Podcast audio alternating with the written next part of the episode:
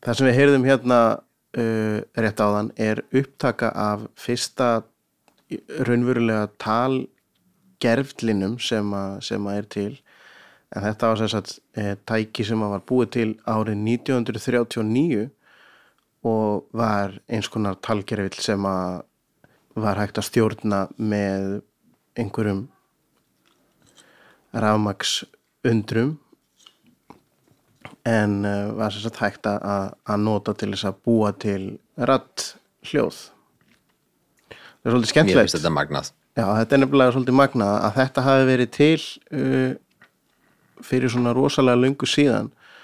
Og ef við horfum sér nýfir svona sviðið frá uh, fjóruða áratugnum og fram til uh, dagsins í dag þá er þetta svona svolítið magnaða að hversu rauninni mikil, mikla breytingar hafa átt til stað og, og hvert við erum komið núna með tiliti til, til taltækni eða sérst máltækni. En velkomin í hljóðbrot Ég er ennþá bara busti með tennurnar bara. ég er ennþá bara að gera það bara handur þetta gamla mátan sko. það er 2022 Það er til ramaks tannbustar sko. Já, ég prófaði ekkert tíma svo leiðist það var, ekkert að ganga. En uh, velkomin í hljóðbrott, ég heiti Eithor Kampan Þrastarsson og með mér er Hlinur Þór Ragnarsson, aðvanda.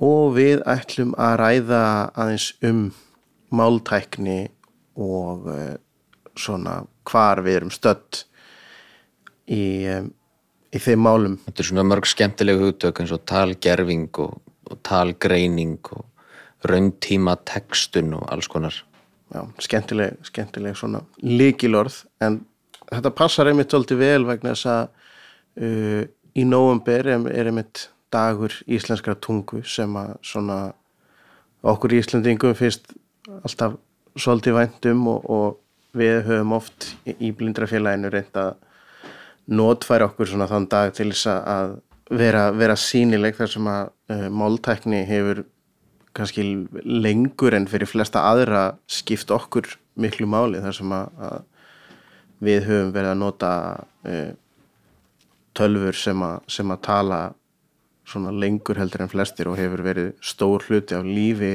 margra í, í rauninni áður en að þessi svona máltækni bilding varð almenn Já, við getum kannski að hugsa þannig að það var í alvörunni fólk að hlusta áður en að Storytel kom til sögunar. Já, já, það var mynd fólk að hlusta á hljóðbækur.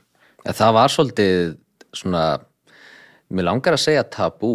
Ég man eftir því þegar ég var í grunnskóla, mér fannst alveg hérna bara skelvileg tiljóksun að nota hljóðbækur. Mér fannst þetta eitthvað svo hérna, eitthvað svona úrræði sem að ég ætla ekki að gera þetta. Veist, ég, það er yfirleitt söpnuð bara reiki og ég reyndi frekar að að harka mig í gegnum menjuleg bækurnar ég bara hafði engan áhuga á að nota hljóðbækur sjálfur en svo einhvern veginn upplýði maður upplýði ég er unni fyrst snildina veist, þegar að það fór að vera almenn laust og þá fyrst sá ég svona ljósið í þessu Já. Ég hef náttúrulega verið fyrir skrítin. Við skulum bara alveg átt okkur á því. Já, þú, þú ert það. Og ég sé ekkert fram á að að, að, að það breytist eitthvað úr því sem komið er. En ef við svona ef við spólum aðast tilbaka veist, nú höfum við verið að nota Karl og Dóru sem að við þekkjum og, og elskum og höfum svo kannski lært að elska Karl og Dóru svona í, á síðastlinum árum það voru ekkert allir sem að fannst það rættir vera geggjaðar þegar komið út 2012 og svona 13-14 en, en það er, fólk hefur svona lært að elska það aðeins með tímanum sérstaklega þegar að þær voru bara það eina almennilega sem að var í bóði og svo þegar við sáum fram á það að fara að missa þér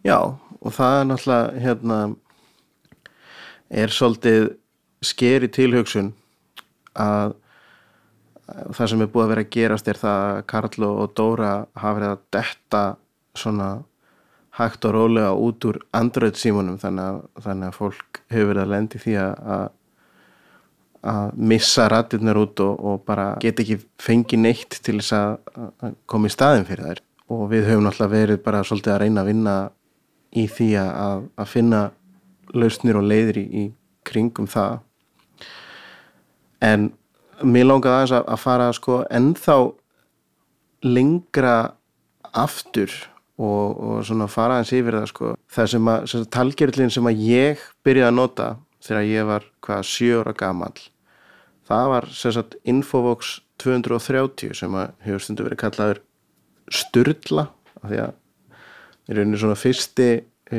íslenski talgerðlinn sem að, sem að hérna var nóthæfur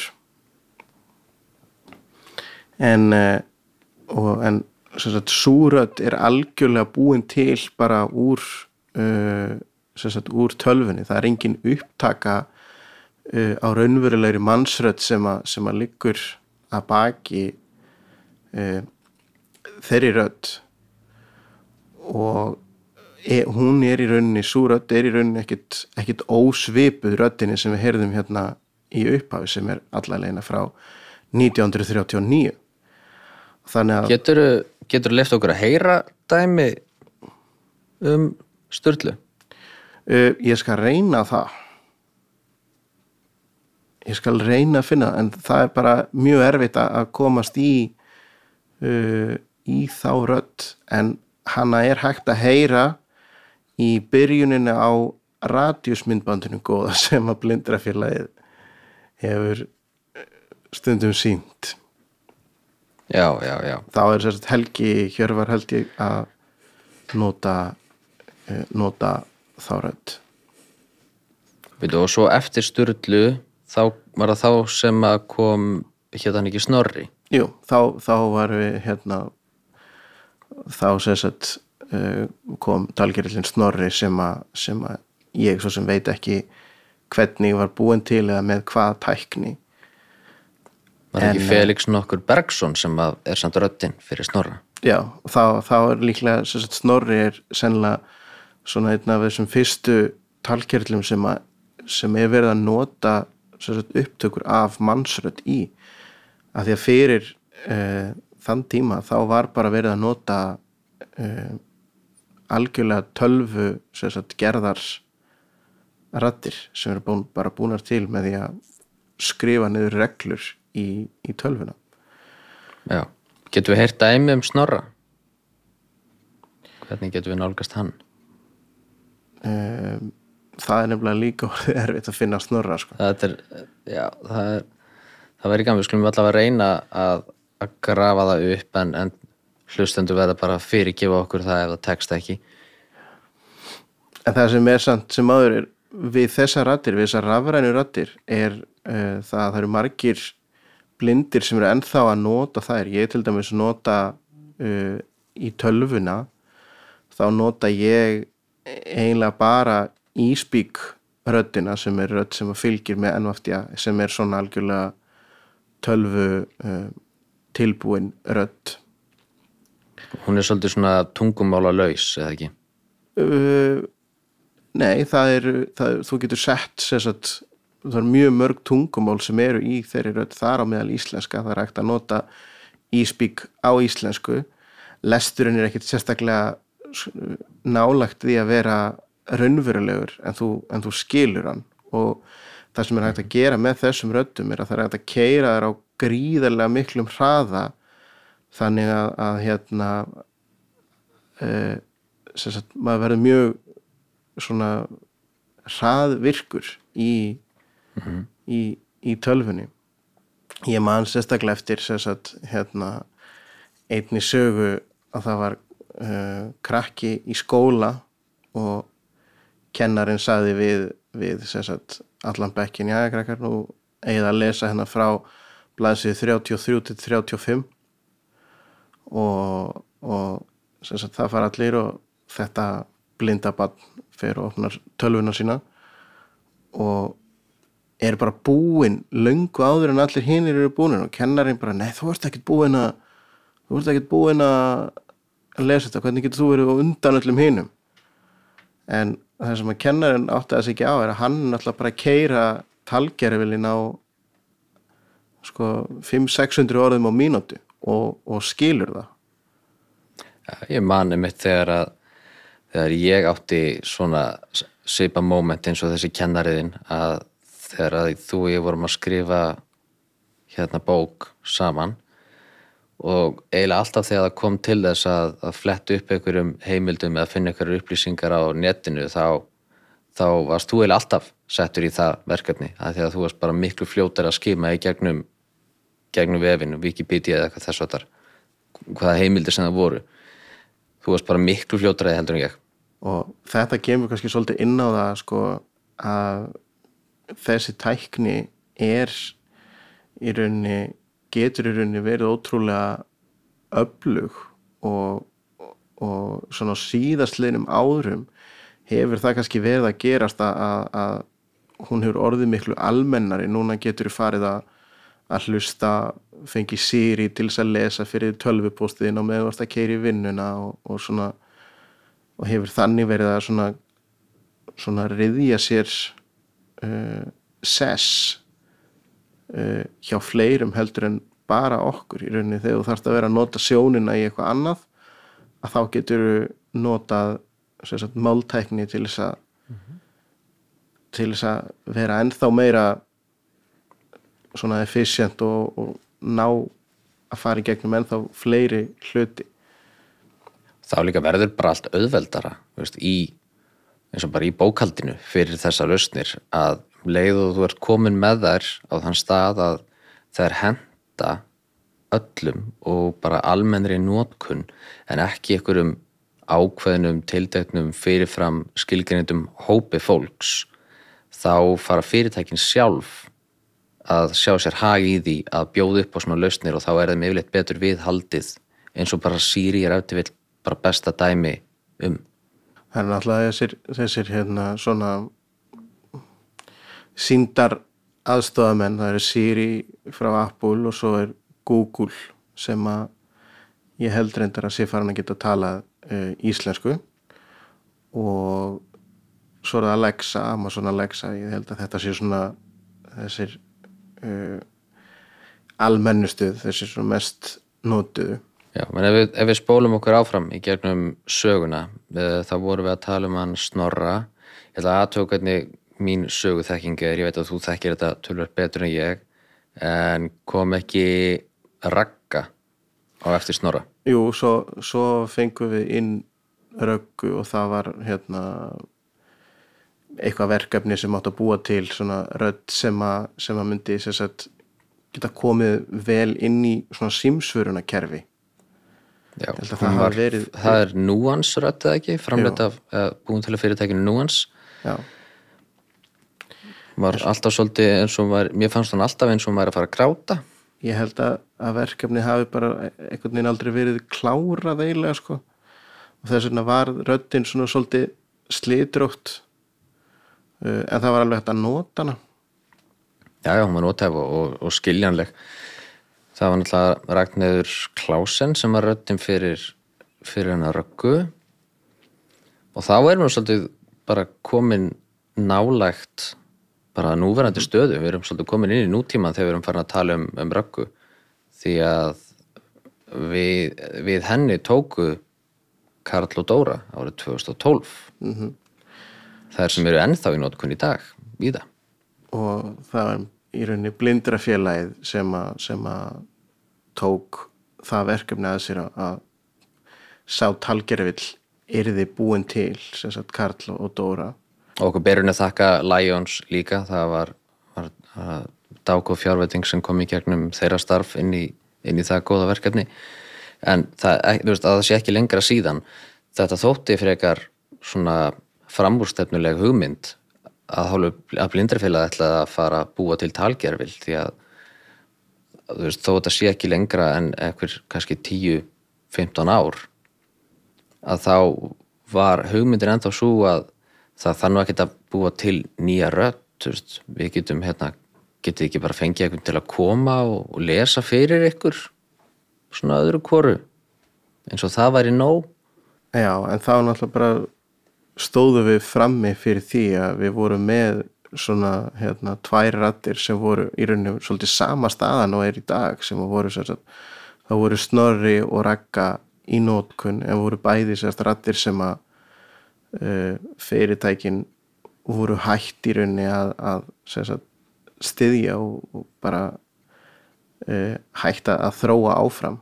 En uh, það sem að mér finnst svolítið merkilegt í við hvernig þessar rattir hafa þróast sem, sem sagt, svona einhver sem hefur notað talgerðla frá því að ég man eftir minn ánast því.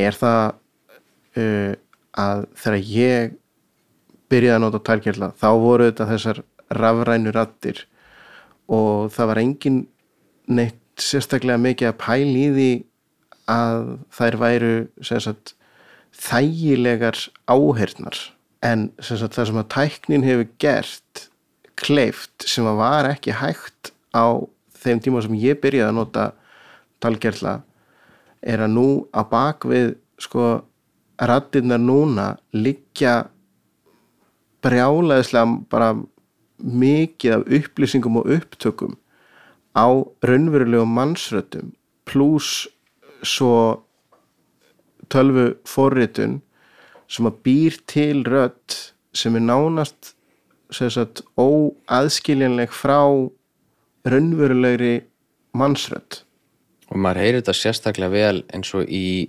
amerískum talgerlum það eru margar hverja komnar það langt að það er eiginlega ógerningur að greina það hvort þú ert að hlusta á eitthvað hlusta á talgerfil eða bara alvöru mannesku að tala við sko ég held að sko ef þú heyrir eina setningu þá getur þú ennþá falið það. En ef þú ert komið lengri texta þá er það nú þannig að það er held ég uh, er hægt að, að sagt, heyra munin.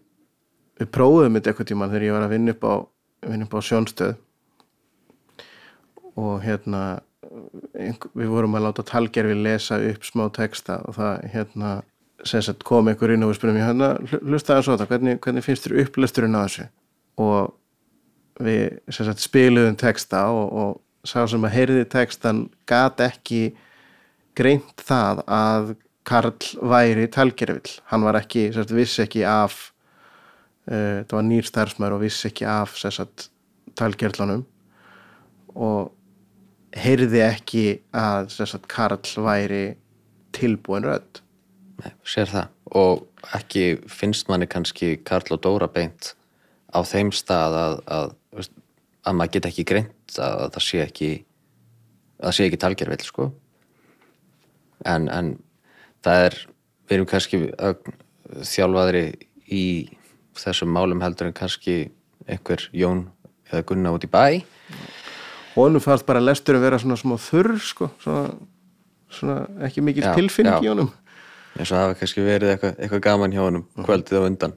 En það er takmarkað metnaður kannski í tilfinningunum.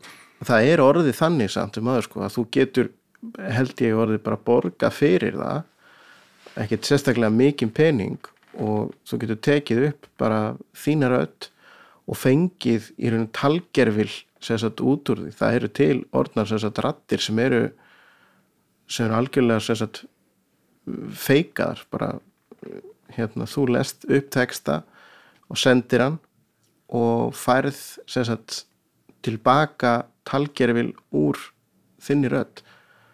Já, ég veit að þetta er eitthvað sem að var eh, eitt af þeim verkefnum sem var inn í íslensku máltækna áallunni að eins og fólk sem er með vöð, vöðvarhörtunar sjúkdóma og, og kannski veit að það mun einhver, á einhverjum tímapunkti missa hæfileikana að geta talað að áður en það gerist þá áviðkomandi að geta tekið upp röttina sína þannig að hann geti nota talgerfil með sinni rött til að tjá sig eftir að setja meir.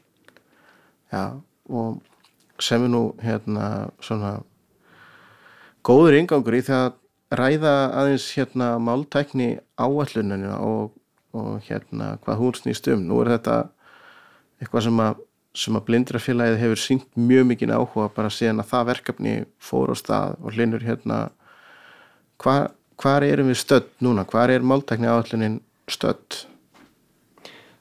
Hún er á ákveðnum krossgötum hvort það eru gangbrautarljós eða undirgöng á þessum krossgötum eða hvort það sé bara einstefna það er, það er svolítið við erum í svolítið lausu lofti þar en eins og segi, blindrafélagið er einn af stopnaðilum almannaróms sem hefur haldið utanum íslensku máltækna áalluna síðastlega fimm ár. Og við höfum verið svona involveruð í það ferli frá upphafi. Það eru komnar núna margar spennandi lausnir en í rauninni sko snýst íslenska máltækni áallunum bara um það að reyna að gera íslensku kleift að lifa af og þrýfast í stafrænu umhverfi. Kunni alltaf voðalega hérna, vel að meta þá fulliringu að að við værim í rauninni að reyna að bjarga íslenskunni frá stafrænum dauða. Alls, ekki, alls engin dramatík í því. Og þá erum við að hugsa nokkuð svona líkil hugtök og það þurfti náttúrulega að sapna ógrinni af gögnum það er mjög mikið gögnum sem liggja baki því sem að nú er komið hundruðir ef ekki þúsundur klukkustunda af upplestri við bestu mögulegu aðstæður til að rattirnar séu góðar en það veitum við til þess að það hafa góða rattir komið úr þessu. Mínar uppáhalds eru Microsoft, Guðrún og Gunnar. Mér finnst það er bara ótrúlega vel hljómandi. Uh, rattirnar þurfa að vera góðar til að það séu náttúrulega nótæfar, eðlilega og þannig erum við að tala um ferlið sem kallast text to speech eða breyta texta í talamál. En svo erum við með hinn pólinn akkurat að taka tal og breyta því í texta eða upplýsingar sem að tölfur og tæki geta nota til að kalla eftir upplýsingum eða framkama einhverja aðgerir. Það er þetta speech to text og það er allt önnur en samt samhangandi virkni á bakvið það. Svo er það náttúrulega þessi rauntíma textun sem að nýtist til dæmis heyrnalausum á ráðstefnum gott dæmi.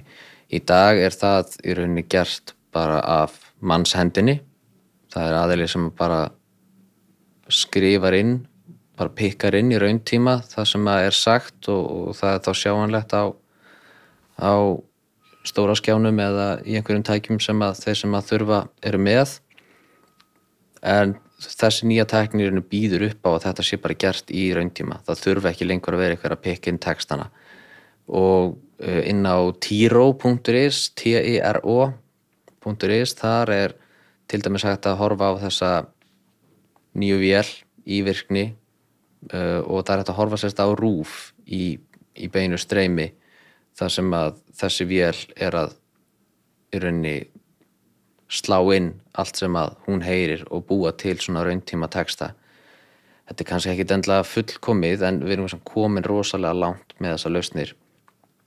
Uh, við erum komið svona okkar eigin Google Translate inn á vlþýðing.is sem að þá svo getur sett inn texta á ennsku og hvort það hefði ekki verið komið stunningu við pólsku líka. Þetta er velþýðing.is Já, vel, velþýðing og bara með því að prófa það þá hún gefur ekkert alltaf sömu þýðinguna og Google Translate til dæmis. Ofta eru þær bara betri og þýðari. Og svo er það út af málfræðareglunum sem eru komnir inn þá er líka búið að opna vefsvæðið yfirlestur.is þar sem hún getur sett inn rittgerði, tölvupósta, greinar, hitt og þetta. Og hann er inn að fer yfir textan sem að þú setur inn og kemur með tilugur að, að betrum bótum í þá málfari og, og mögulega stafsetningar og innstallavillur og, og þess aftar. Og þetta eru allt saman ótrúlega spennandi tól en málið er að allt þetta, öll þessi grunngögn eru aðgengileg hverjum þeim sem vilja nýta þau og þetta var til þess hugsað að stórfyrirtæki á borð við Microsoft, Apple, Amazon, Google, Facebook og fleiri gætu farið að inn og nota þessi gögn til þess að innleiða íslensku sem tungumál hjá sér og í þeirra kerfum. Svolítið að herru, við erum búin að vinna hérna 99,3% af vinnunni fyrir ykkur uh, þið getur bara tekið þetta og stungið þessu í samband bara hjá ykkur og, og klára dæmið og það er samt í rauninni þannig að það, það er hver sem er sem getur sem getur gert Já. þetta. Þannig að ef, að, ef að, að það er einhver sem að, sem að langar til að búa til aðgengilegt uh, yfirlestra forrið uh, þá gæti hann farið í, í þessi gögn og þá eru þau tilbúin, gagnagrunnurinn er tilbúin fyrir hvern sem er uh, til þess að fara og, og vinna með hann og þetta er rauninni bara viðskiptatækifæri af því að þetta ertu bara með rosalega verðmæti í þessum gögnum. Segjum að Eithóri langi rosalega mikið til að hérna fara að selja eitthvað hugbúnaðalausna því að Eithóri er svo klára að forrita. Og hann getur þá bara selt búið til einhverja símsvara þjónustu eða einhver talandi botta. Þú þarft ekkert að gefa lausnina frítt. Þú getur selt fyrirtækjum áskrift að þessari laust þannig að þetta er rauninni bara þessi gögn eru ókeipis fyrir hvert sem er að fara inn, sækja og nota á hvaða hátt sem að viðkomandi vill, hvort sem hann er að búa til eitthvað ókeipis lausn eða, eða ekki. Og við höfum séð eitt af þessum stóru risa fyrirtækjum taka þessi gögn og, og nota þau. Eh, það er Microsoft. Og við erum í rauninni komin á þann stað að Microsoft er búið að gefa út tvær nýjar íslenskar rattir sem voru búna til upp úr þessum gögnum sem heita Guðrún og Gunnar. Við ætlum að heyra þau lesa hans fyrir okkur hérna í lókþáttar en boltin er svolítið hjá okkur Íslendingum núna. Að því að Microsoft eru búin að koma verkefninu af stað en til þess að þeir sjáu tilgangin í að gera íslensku að einu af sínum aðal tungumálum inn í Windows kerfinu og Office pakkanum og fleiru þurfa þær þá ekki að sjá að það sé allavega eitthvað verið að nota það sem er nú þegar komið inn? Jú, og, og hérna, þetta er einmitt rosalega spennandi vegna þess að þetta er eitthvað sem að, sem að gerðist í rauninni án þess að eh, einhver hafi uh, mikið verið að íta á eftir sérstaklega Microsoft í því að, að búa til nýja rattir uh, en þessar rattir eru, þær eru ekki ennþá komnar inn sem þessar rattir sem er hægt að nota eh, inn í Windows en þær eru aðgengilegar til dæmis í, í bæði Edge sem er sagt, innbyggði vafurinn í, í Windows sem er framleitur af Microsoft og svo eru þær líka inn í, í öllu, öllu Office kerfinu sagt, þannig að þær eru inn í Microsoft Word þær eru inn í Outlook og Excel. Þannig að, hérna það er til dæmis hægt að, að, að nota þær til þess að lesa yfir. Ef maður er búin að skrifa grein eða texta þá getur maður nota þessar rattir til þess að lesa yfir uh, þann texta.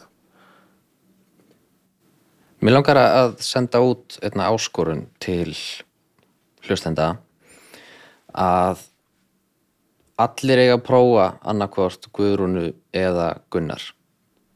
Þannig að hvernig sjáum við fyrir okkur að, að viðkomandi geti gert það. Uh, ef við tökum sem dæmi hvernig getur einhver fengið Microsoft rættina til að lesa fyrir sig 12 post uh, þá þurfum við að vera að nota þá Outlook Outlook postforritið og það eina sem í rauninni á bara þurfa að gera um, það gæti að vísu þurft að virkja uh, þennan fítus hjá einhverjum. En, en sagt, allt sem maður að þarf að þurfa að gera er bara að opna sagt, uh, tölvupost og gera allt kontról og bil íta á allt kontrólabil á saman tíma. Já, slá sér satt allt kontrol og bil og þá á sér satt þessi fítur sem heitir readout inn í, inn í Microsoft vörunum að lesa fyrir því tölvupóstin á því tungumáli sem að, sem að pósturinn er og uh, þú átt ekki að þurfa að gera neitt annað í rauninni.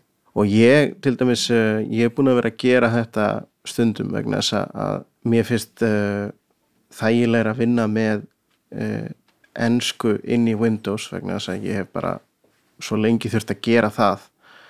Þannig að ég þarf ekki að skipta um sagt, talgerfil í, í NFTA skjáleysarunum mínum til þess að lesa tölvuposti minn ég nota bara íslensku ræðina frá Microsoft til þess að lesa íslenskan post og nota bara þennan fítus þannig að það er hægt að nota þetta þó að við séum að nota sagt, skjálistrar búna líka. Hver sem er getur uh, fundið nota gildi fyrir uh, þessa fítusa Eitt helsta nota gildi sem að ég hef séð hjá mér fyrir talgerðla það er til dæmis þegar ég er að skrifa einhverja frétt eða grein inn í vörd og þá nota ég alltaf skjá, skjálesara til að hérna, lesa yfir bæði að þá ef það er einsláttavilla þá get ég bara bóka það að skjálesarin er að fara að lesa einsláttavilluna og ekki en ekki þú veist að það sé einhver auka stafur sem að leynist inn í einhverju orði og ég bara svona tekki eftir honum.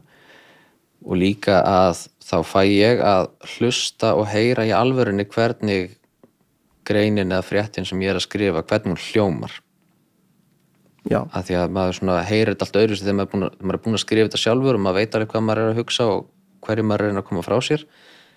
En þegar maður er ekki að lesa það sjálfur heldur bara að hlusta þá heyrir maður það svona aðeins öðruvísi.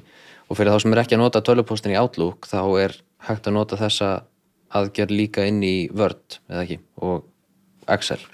Uh, allavegn í Word, ég veit nú ekki alveg hvernig, hvernig þetta virkar í, í Excel reyndar, uh, allavegn í Word þá er þetta og einni inn í sagt, Edge vafranum, þannig að ef að fólk er að nota Edge vafran, þá ætti að vera hægt að nota rítaláti til þess að lesa sagt, til dæmis greinar í, inn á netinu Já, það er náttúrulega ekki hvaða brásir eða hvaða vafra sem er. Nei, þessar rættir eru held ég bara inn í, inn í Edge vafranum sem er sem bara innbyði vafrin í Windows. Og ég held reyndar að það sé hægt að fá eitthvað skonar uh, viðbætur fyrir einhverja aðra vafra en ég hérna, er bara ekki alveg með það nóg mikið á hreinu til þess að ræða það Þetta er náttúrulega ennþá allt svolítið nýtt tilkomið og, og við eins og aðrir erum bara að prófa okkur áfram og, og að reyna að sjá notagildið í þessum lausnum. En ég veit til alveg þó nokkura sem eru ekki sagt, þau eru ekki alblind en þau eru sagt, sjónskjert þannig þau nota ekki skjálastur að staðaldri. En eins og fyrir það að lesa einhver ákveðna grein eða frétt inn á, á rúfið að vísi þá er þessi laust að, að koma sterkinn eða að lesa tölvupóstinn. Þú þú, þú getur skimað með, með augunum í gegnum inboxið þitt og, og, og, og fundið hvað þú ætlar að lesa og hvað ekki. En svo þegar kemur að ég að lesa póstinn þá bara kveikir á lesturnum og bara hallaðir aftur í róleihitum og bara fara að lesa um fyrir þig á því tungumáli sem það er skrifað. Þannig að ef að, að tölvupósturinn er á íslensku og svo svissar hann yfir í ennsku þá gerir kerfið það bara fyrir þig. Þannig að þú þarfst ekki að hlusta á gunnar lesa ennsku sem að eins og hægt er ímynda sér kemur ekkert rosalega þjált út. Og kerfið er líka orðið svona ágætt í því að, að, bara filtera út eins og til dæmis tengla sem er í tölvupóstum og svona. Þannig að það er ekki að lesa teksta sem er ekki ætlaður um, til þess að lesa til dæmis tengla sem eru með langa uh, sem eru bara settir fram sem, sem svona laung uh, veffang Nei, annað en eins og skjáleistra vélarnar eins og JAWS og NVFTA sem er einnig fara bara í gegnum Nei. bara grunnkóðan og eru bara að Já. lesa hann alveg óháði hvort það sé sjáanlegt eða, eða ætlað til þess að vera lesið eður ei. Þannig að þetta er svolítið bara, svona user friendly Já, sem er náttúrulega bara sko, þú þarft að geta sem skjáleistari nótandi þarfst að náttúrulega geta uh, fengið þessa tengla og svona lesna upp. En en það hins vegar hérna þegar þú vilt bara lesa postin þá, þá er þetta þægilegt að, fá í rauninni svona þessa síun á, á, á því sem er lesið upp fyrir þig Já, það. En að hérna, kannski að lokum, þá að þú varst að spyrja með stöðuna núna. Nú er ég aðeins búin að nefna sko hvaða tól og tæki eru komin og tilbúin eða í þróun. En hvað gerist næst? Það lítur ekkert allt og vel út fyrir íslenska máltækni miða við fjárlaga frumvarp 2023. Það er ekki miklum fjármunum hugsað í áframhaldandi vinnu í íslensku máltæknaáalluninni sem er miður að því við erum á mjög spennandi stað en við erum ekki við erum ekki komin, við erum ekki búin og, og verðum náttúrulega aldrei búin. Það þarf að viðhalda þessu uh, áfram. Og blindrafélagið hefur sendt fjárlaganett aldingis uh, umsögn um fjárlaga frumarpið vegna íslenskar máltækni áallunar og við viljum enda þáttin á því að leifa ykkur að heyra Microsoft ræðirnar, Guðrún og Gunnar þannig við ætlum að fá þau til að lesa umsögnina fyrir ykkur. Já að öðru leiti bara takk fyrir okkur og góðar stundir Takk fyrir okkur og sjáumst í jólaskapi að mánuði liðnum Blindrafélagið hefur sendt fjárlaga nefnd alþingis eftirfarandi umsögn um fjárlaga frumvarpið 2023 vegna íslenskrar máltækni áallunar. 16. november 2022 Blindrafélag Íslands byður íslensk að tryggja að blindu og sjónskertu fólki verði gert kleift að nota íslensku í daglegum störfum sínum. Verði frumvarpið samþygt óbreytt mun það verða til þess að ekki er hægt að vinna að nöðsynlegum máltæknilausnum sem gera blindu og sjónskertu fólk mögulegt að stunda vinnu og nálgast sjálfsagðar upplýsingar án aðstóðar. Þessa lausnir eru algjörlega nöðsynlegar þeim hópi sem mun vaksa mjög á næstu árum samhliða öldrun þjóðarinnar en gagnast auk þess öllum öðrum sem nýta þessi tæki. Fyrir blind og sjónskert fólk sem reyðir sig mjög á rattstýringu og velrættir í öllu sínu lífi, skiptir það öllu máli að tæki skilji Íslands tungumál. Með sjálfverknivæðingu, þróun gerfigreindar og frekari nýtingu á rattstýringu tækja hafa orði byltingarkendar breytingar til góðs fyrir blinda og sjónskerta. Í þessari tækni felast þó einnig ógnanir ef stjórnvöld sjá ekki til þess að tækin skilji tungumál samfélagsins sem það býr í. Fólk getur almennt ekki verið á vinnumarkaði án þess að geta sótt sér rafrænar upplýsingar, tekið þátt í stafrænum samskiptum og stundað bankaviðskipti í gegnum netið svo dæmi séu nefnd. Blindrafélagið hefur miklar áhyggjur af stöðu íslenskra talgervilsrata í dag og í komandi framtíð. Svo virðist sem að í núverandi fjárlagafrumvarp 2023 sé gert ráð fyrir minni fjárstuðningi við þessi mikilvægu íslensku máltækniverkefni og því mikið í húfi. Stjórnvöld verða að gæta að því að þær tækniframfarir sem felast í rattstýringum og vélrutum og helst er horft til við þróun tækja í dag verði til þess að greiða aðgang fólks að upplýsingum og þáttöku í samfélaginu en útilokið það ekki frá þeim. Til þess að svo megi verða er líkilatriði að staði verði við fjármögnun aðgerða áallunar stjórnvalda um máltækni sem samið hefur verið um við framkvæmdaræðila.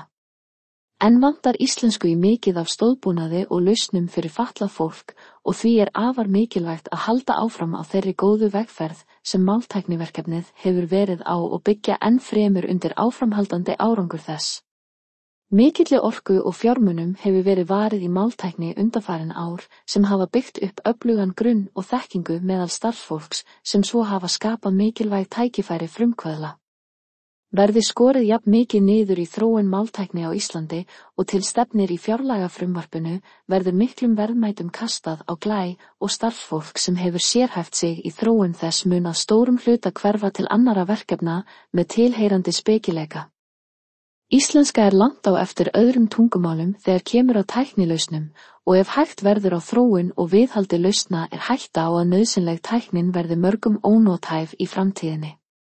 Það er áhyggjöfni þegar samkvæmt stefnumörkun ríkistjórnarinnar er verið að færa meira af allri almennri þjónustu við almenning í stafrænar lausnir. Þetta getur dreyið úr sjálfstæði og virkni einstaklinga sem þurfa að geta nýtt sér tækni til að geta synt sínum daglegu þörfum sjálfur og lagt sitt af mörgum til samfélagsins. Það eru sjálfsögðu mannréttindi að geta tekið þátt í stafrænu samfélagi, án þess að þurfa að afsala sér sínu eigin tungumáli í þeirri þáttöku.